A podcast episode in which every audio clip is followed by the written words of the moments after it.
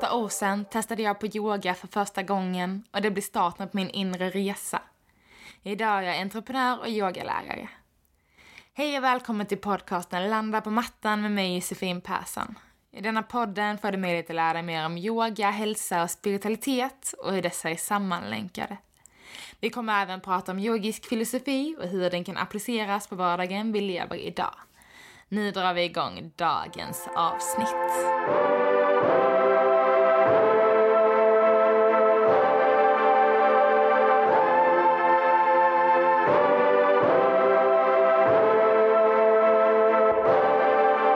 Hej på er! Välkomna till ett nytt avsnitt av podden. Idag kommer vi prata om samadhi som är det sista steget på den åttafaldiga vägen och även det som vi kallar upplysning. Men innan vi går in på det så tänkte jag fortsätta berätta om eh, vårt event som vi ska hålla den 5 december, jag och min sambo. Och vi ser väldigt mycket fram emot detta. Det kommer bli yoga, meditation, mantrasång, en härlig brunch. Och eh, vi kommer vara i en superfin lokal och det är liksom ett begränsat antal just för det ska verkligen vara ja, men, men coronavänligt, det ska vara avstånd mellan mattorna och eh, det är liksom gjort för att vi ändå ska kunna köra igenom det här och vi har anpassat väldigt mycket sen i efterhand med de nya restriktionerna och det är jättetråkigt allt som händer. Men vi känner ändå att vi vill fortsätta hålla i det här eh, och ni är såklart supervälkomna om ni tycker det känns okej okay för er. Eh, och eh, det kommer vara på en lokal som heter Ester Adele som ligger vid Mariatorget på Södermalm här i Stockholm. Och det kommer, bli, ja, men det kommer bara vara en härlig mysig stund. Och efteråt är det brunch och känner man liksom att man gärna vill vara med. Men känner att man kanske vill skippa brunchen för att man inte vill vara med liksom och eh, hänga efterhand. Så kan man verkligen skriva till oss och säga liksom jag är gärna med på det här men skippa den andra biten. Så kommer vi kunna lösa det också. Men antingen om man går in på Facebook, Studio Boys så finns det ett event. Eller hemsidan Studio Josefin där ni kan ah, anmäla er till eventet eller skriva och fråga mera. Och det, vi ser verkligen fram emot det här supermycket. Det kommer bli superhärligt. Mycket musikrörelse, flödande kärlek. Eh, så kom gärna anmäl er om ni vill, om ni tycker det känns roligt och okej såklart i detta läget. Och det känns såklart supertråkigt att eh, öka igen så vi liksom bara så skicka ut lite kärlek till alla er som lyssnar. Ta hand om er, ta hand om era nära och kära och eh, hoppas att ni mår bra skickar massa kärlek och eh, healing till alla där ute. Men vi går in på sista steget nu när jag har fått prata lite om det här fantastiska eventet som jag verkligen ser fram emot. Men vi går in på samadhi som är sista steget i den åttafaldiga vägen och som också är egentligen Alltså det stämmer målet med yogan, med, med union, med att liksom bli ett med universum. Eh, och det som samadhi betyder är ju verkligen ja, men upplysning, ehm, ja, men det här tillståndet när vi liksom landar in och blir det här ett med universum. Det finns många olika uttryck, nirvana är ett uttryck också när man landar i det här tillståndet. Och man kan väl säga att det kanske inte blir som att man svävar iväg och blir ett med allt liksom och tappar sin kropp. Och det finns ju också den, den delen av det såklart. Men just samadhi är kanske ett tillstånd som vi faktiskt ändå kan känna i, i livet vi lever idag utan att vi liksom ska um, vad ska man säga, gå den här korrekta åttafaldiga vägen och göra allt så. Det är liksom, man kan också säga att samadhi då är ett tillstånd av eufori eller extas, liksom när vi är helt, ja men liksom helt fyllda med glädje och lycka och allt annat är liksom bortblåst kan man säga. Det är som, ja men det är liksom, vi är helt uppslukade av den här känslan av lycka och frihet och ja men extas. Och det är ju verkligen um, ett tillstånd som vi kan nå via kanske liksom, ja men bara frigöra kroppen. Jag har varit på aesthetic dance några gånger och verkligen liksom efteråt, det är som att, ja men det är så bara, bara lycka och glädje åt allt. Det liksom bara går inte att sluta le och bara känna hur hela kroppen liksom lever. Eh, och sen ska väl inte jag säga att det är samadhi i form av kanske den åttafaldiga vägen, men det är en, en del av den här känslan som, det, som, liksom, som nämns på det sättet jag tolkar det med samadhi och liksom upplysning och bli ett. Och då har ju liksom, i de stunderna så kan man verkligen bli ett med sin kropp och sina känslor och liksom en endaste känsla då som förhoppningsvis, eller som är liksom, ja glädje och eh, liksom uppfyllnad i hela kroppen. Ja, det är svårt att förklara och det är kanske många som har varit där på ett sätt och många som inte har varit där. Eh, och det är inte, behöver inte heller vara bara, oh, men nu ska jag komma till det här tillståndet, utan det kan också bara handla om att man kanske finna lite lycka. Det lät jätte... Eh, men, men, men att liksom, ja, men känna att man kan känna lycka i livet. Eh, och att det inte måste komma utifrån. Och det är så himla ofta som vi liksom, och jag är där själv hela tiden, man liksom ska finna lycka utifrån sig själv och ute, ute liksom i den materiella världen och kanske framförallt i liksom något som ska definiera oss, typ ett jobb, pengar. Man ska, åh, jag skulle bara lite mer pengar så skulle jag vara lyckligare. Eller om jag bara fick det där jobbet, då skulle jag vara lyckligare. Men om man liksom tänker efter, vad är lycka egentligen? Liksom? Jag tror inte att det är det där jobbet som gör oss lyckligare. Utan det handlar nog mycket om hur det känns inombords. Och det är ofta som vi liksom behöver ta ett steg tillbaka från den här yttre världen och liksom faktiskt landa i, i rörelse eller i meditation av något slag och landa inåt, sluta ögonen och känna liksom. Men vad betyder lycka för mig? Är det att, menar, att ha det där jobbet eller ha de där vännerna eller få de där likesen på Insta bilden som man har lagt upp. Är det det som är lycka? Att få fler följare och flera likes? Eller är lycka kanske att faktiskt kunna stanna inom sig själv, lägga händerna på hjärtat och bara känna inåt? Och där, inklusive mig själv, är något som jag tror vi alla bara kan stanna upp och börja fundera lite över var att men lyckan är kanske något vi finner inom oss. Lycka till vänner, familj, kärlek, partners, barn. Och på något sätt för mig är lycka och tacksamhet oerhört sammankopplade. För liksom när vi faktiskt kan känna tacksamhet, och när vi kan genuint känna tacksamhet och verkligen eh, känna en känsla för det, tacksamhet är ju en känsla, men också att liksom känna något mera. Att eh, kanske känna att det är något lite magiskt med det vi, man kanske är tacksam för. Att tänka att det här har fått komma in i mitt liv på det här sättet, så jag kan få känna tacksamhet för det. Och att eh, därifrån kunna koppla det till lycka en typ av glädje. Och det är väl liksom något som hör ihop de tre, lycka, glädje, tacksamhet och, och om man bara kan ta någon liten stund varje dag och faktiskt kunna koppla samman de tre. Eh, till exempel jag tar och skriver tacksamhetsdagbok varje dag och ibland blir man så, vad sjutton är jag tacksam för? Men sen börjar det komma upp så små saker bara solen lyser eller, eh, eller bara att det regnar och eh, jorden får vatten och det gör oss alla glada liksom i det stora loppet. Liksom. The circle of life, vi är inte ensamma, vi är, vi är faktiskt väldigt, väldigt små men vi är också en del av det här oerhört stora vilket är väldigt häftigt och vad ska man säga, ganska existentiellt också såklart. Och det är väl också en sak som kan vara ganska så svårt att ta på, svårt att förstå. När man pratar om den här upplysningen, samadhi. Och kopplingen till yogan, att vi blir ett med universum och då kan man bli så här, men vad är universum? Ska jag bli ett av allt liksom? Och på något sätt så är vi ju alla sammankopplade. Och eh, vi är alla gjorda av samma beståndsdelar. Vi har en gång varit eh, en del av en stjärna eller en del av universum liksom, långt, långt bort. Eh, om man tittar på liksom, amen, Big Bang och hur universum har växt fram och det är liksom ändå fakta. Vi kan se universum växa, där vi har kommit eh, från en liten punkt, samma stoff som sedan har utvecklats så atomer och har ändrats och vi är, där vi är idag liksom. Och det är ju hela liksom flödet, allt är föränderligt, vi är föränderliga, naturen är föränderlig, universum är föränderligt och inget stannar. Men det är ju så himla lätt att vi ser det som att livet är som en resa från A till B, liksom. Från att vi föds till att vi dör och sen är det som en rak linje. Men det är inte alls så och det är kanske där vi kan behöva skifta vårt mindset lite. Sen är det såklart hur vi kanske upplever verkligheten i form av att tiden går framåt och vi kan inte spola tillbaka tiden.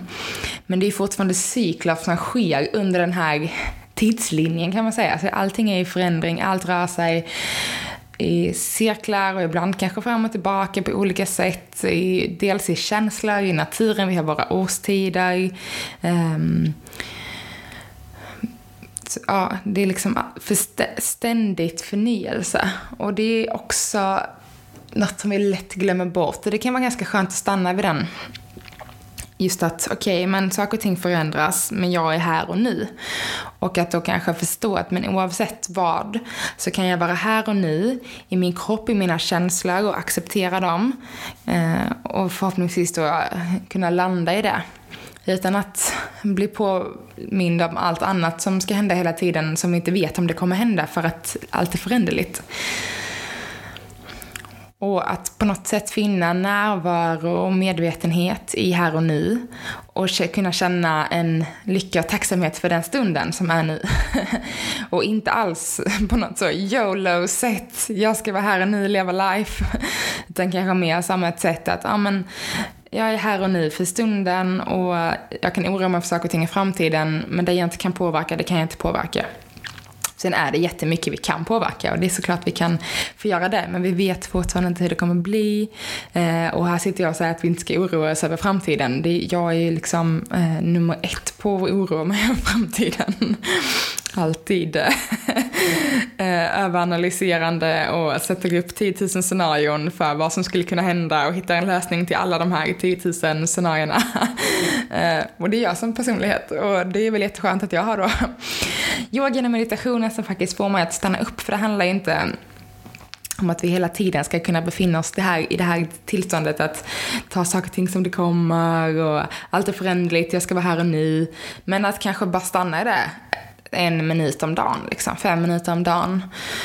Uh, om vi alltid är det tillståndet, då skulle vi säga att vi har någon slags eh, uh, amen, samadhi-tillstånd där vi liksom är alltid fokuserade på här och nu. Och det hade ju varit uh, fantastiskt härligt om var där. Men oavsett så är allting en resa och att kunna koppla ihop vår fysiska kropp med vår, med vår mentala, liksom hjärnan och kroppen, vår själ, vårt spirituella med våra känslor och bara landa i det. Och kunna jobba med det bit för bit utan att det ska bli något som är ständigt. För det är ju jättesvårt. Och det är också så, det kommer inte vara ständigt för allt är föränderligt. Om vi kanske inte hamnar, om vi hamnar i det här upplysningstillståndet, då kanske det är liksom lite mer fast och satt och vi är liksom i full extas. Ingen aning. Eh, men jag tror hela tiden att vi måste liksom tillåta oss själva att koppla ihop de här fyra olika delarna med kroppen, sinnet, eh, själen och våra känslor och få landa i det.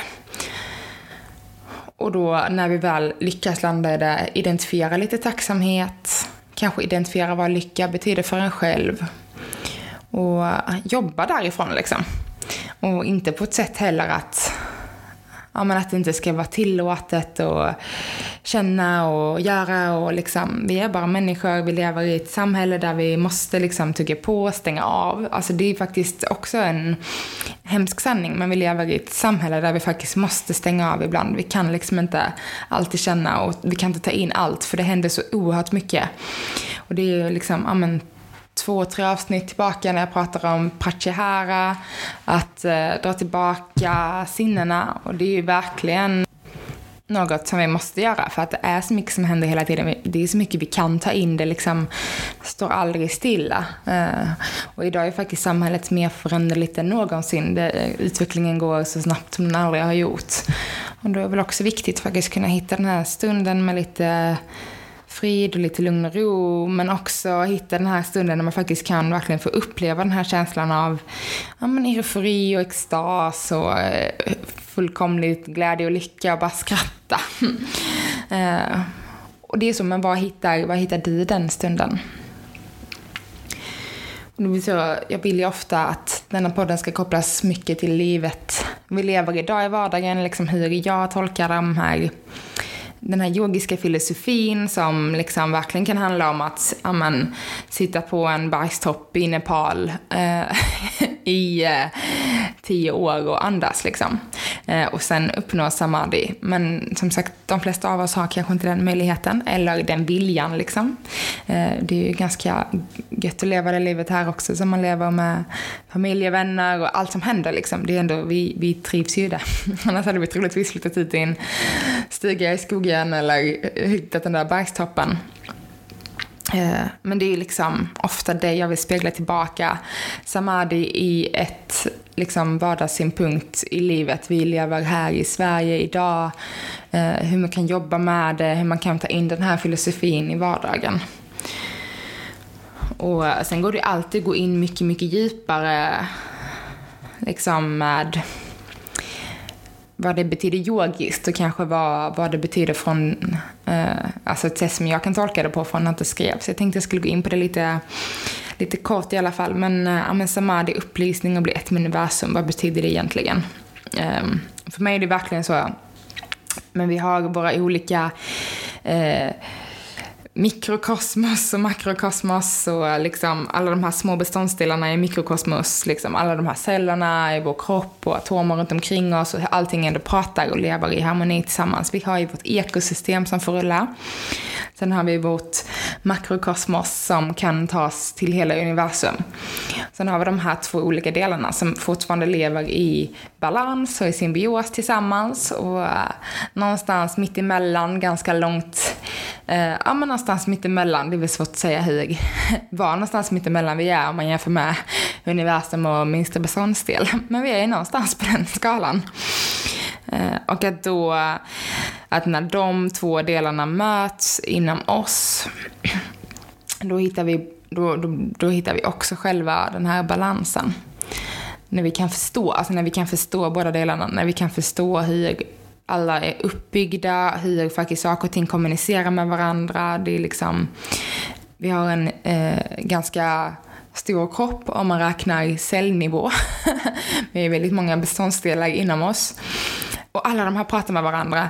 Och vår hjärna gör att vi rör handen utan att vi ens tänker på det. Eh, sitter jag här och gestikulerar nämligen. och eh, jag pratar det kommer ord i min mun som förhoppningsvis gör någon, makes någon slags sens eh, utan att jag kanske riktigt tänker på exakt vad jag ska säga. Men det är, så, det är ju kroppens funktion och mekanism som på något sätt vår hjärna tar fram som sedan uttrycker sig i vår kropp och det är så många system som är med på det. Och om det händer inom oss med alla, alla de här små beståndsdelarna så tror jag att det händer från oss ut till universum också och till det här makrokosmoset och till vårt samhälle, till vår planet, solsystem. Alla de här små delarna, de påverkar de där stora delarna till slut. Så vi är liksom, och det är just det också som blir yogan, att man allt är ett. Och att komma mer och mer till insikt och förståelsen hur allt det här samspelar med varandra, hur eh, hur vi lever i det här ekosystemet och hur vi alla är en del av varandra och hur allt då är föränderligt.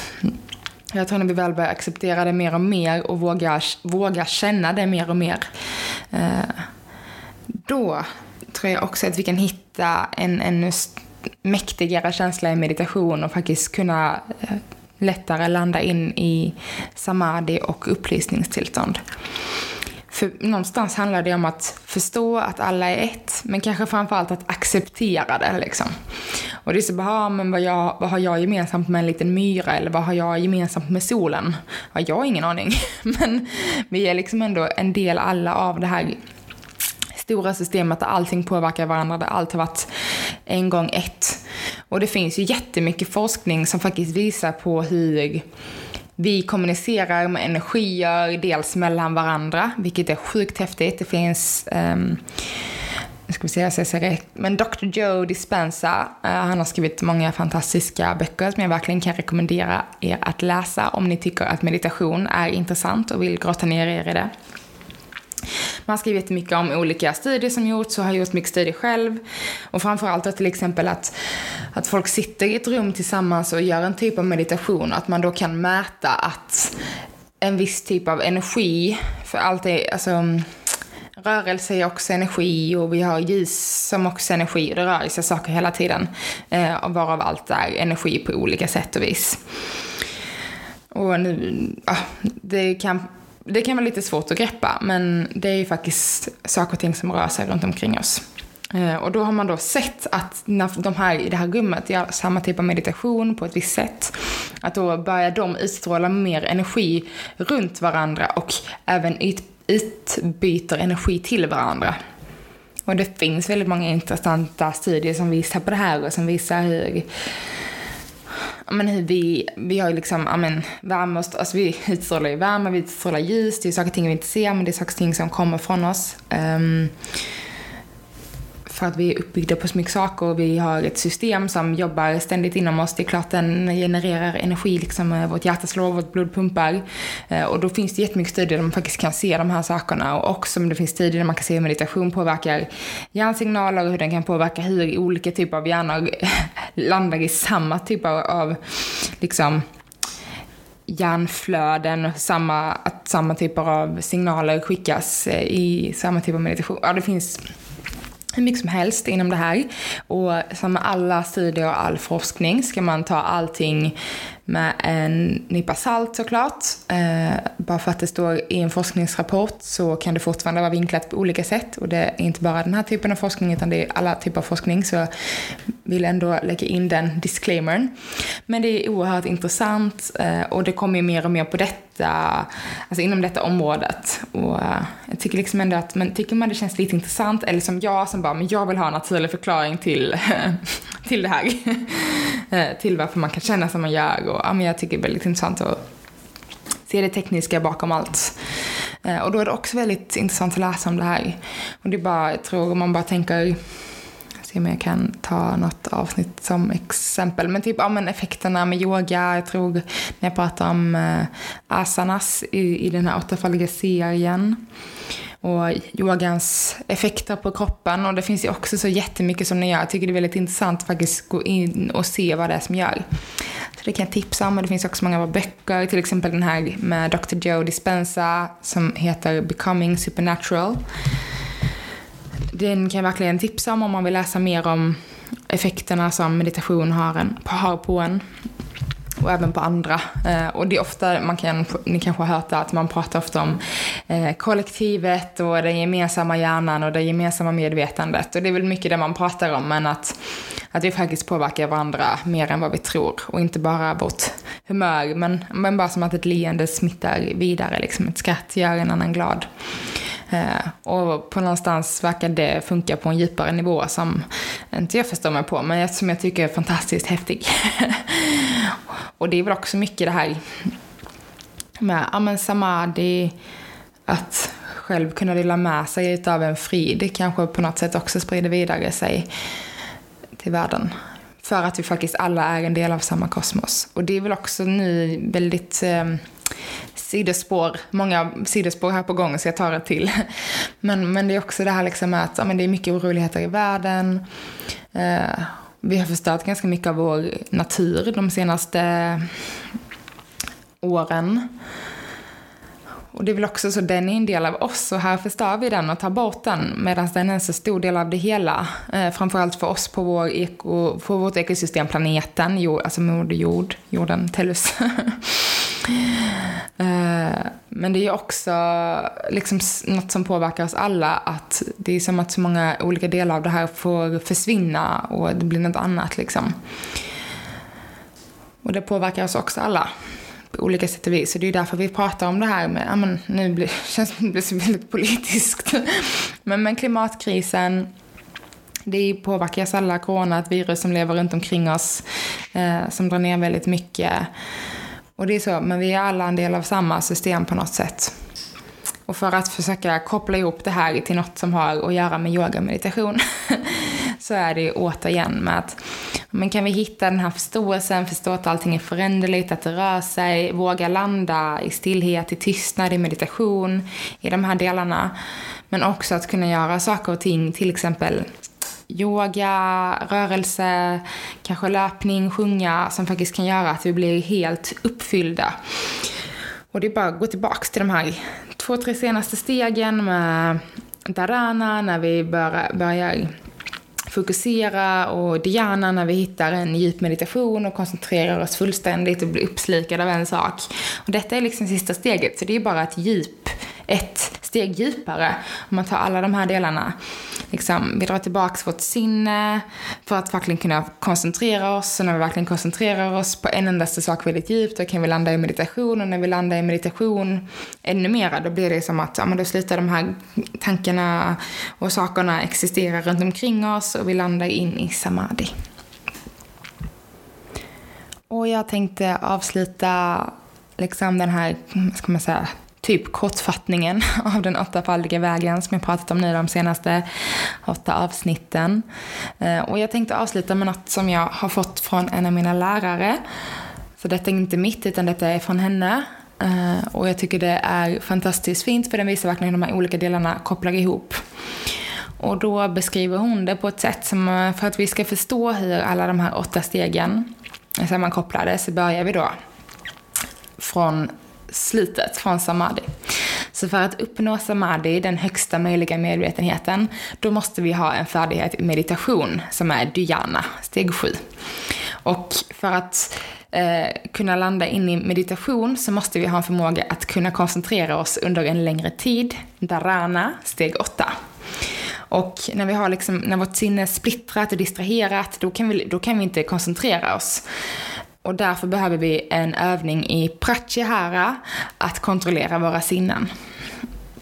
Och hur gör vi då för att kontrollera våra sinnen? Jo, men det kan vi göra till exempel via andningsövningar, pranayama. Och för att vi ska kunna göra våra andningsövningar och kontrollera sinnet eh, så behöver vi kunna ta hand om vår kropp för att pranayama är ganska krävande. Och det är viktigt att ha en kropp som inte, som inte får ont i och som det inte blir för hög belastning i. Och därför så utövar vi då asanas, yogapositioner. För att eh, vi lättare ska kunna landa in i vår pranayama för att vår kropp ska kunna tillåta oss att öppna upp andningen och allt det här. Och för att vi ska kunna hitta en disciplin och en inställning um, och ha den här liksom regelbundna yogapraktiken och inte pusha oss för mycket och kunna landa i det på ett hälsosamt sätt för kroppen. Och då behöver vi eh, niyamas, alltså ett förhållningssätt till oss själva. Och då slutligen steg ett för att ha ett förhållningssätt till oss själva och liksom det här mest grundläggande, då måste vi också ha ett förhållningssätt kring världen runt omkring oss, alltså yama. Och eh, utan att ha en förståelse för världen runt omkring oss, då kan vi liksom inte gå de här stegen neråt mot samadhi. Och första gången jag läste detta, jag blev liksom helt mind blown. Eh, första gången hon berättade om det på det här sättet. Det var så bara wow, det är så här värld, eller så, yogavärlden är uppbyggd. Och det är också liksom, det är inte, vägen är inte helt så här spikrak heller. Som jag pratat om, det är föränderligt, det ändrar sig hela tiden. Och man kan gå från ett steg till ett annat och man kan också hoppa mellan. Och jag skulle ju långt, säga långt ifrån att jag är så klar med någon av stegen och knappt påbörjat hälften av dem. Men hela tiden så kan man infinna de här små stunderna i vardagen som vi lever idag på det här sättet. Så den skickar jag med er. Eh, den är som sagt otroligt fin och ett väldigt fint sätt att se det på. Och med de orden sagda, långt avsnitt denna gången. Jag kände efter halva att gud, nu har jag inte något mer att säga och sen bara fortsatte jag lite längre. Eh, men ni får verkligen ha en fantastiskt fin vecka. Och ni får ta hand om er och jag hoppas att se er på yogan den 5 december. Och uh, vill ni komma i kontakt med mig så kan ni göra det på Studio by Josefin. Min Instagram eller Facebook-sidan. Och nu när coronan ökar lite igen så vill jag tipsa om att men om ni är hemma och lite instängda så finns det lite yogavideos med mig på YouTube. Kanalen Studio by Josefin. Så in där och yoga, ta lite pauser i jobbet hemma, landa lite i kroppen. Så får ni ha, en fan, ja, ha det fantastiskt fint. Ta hand om er, ta hand om varandra och så hörs vi igen nästa vecka.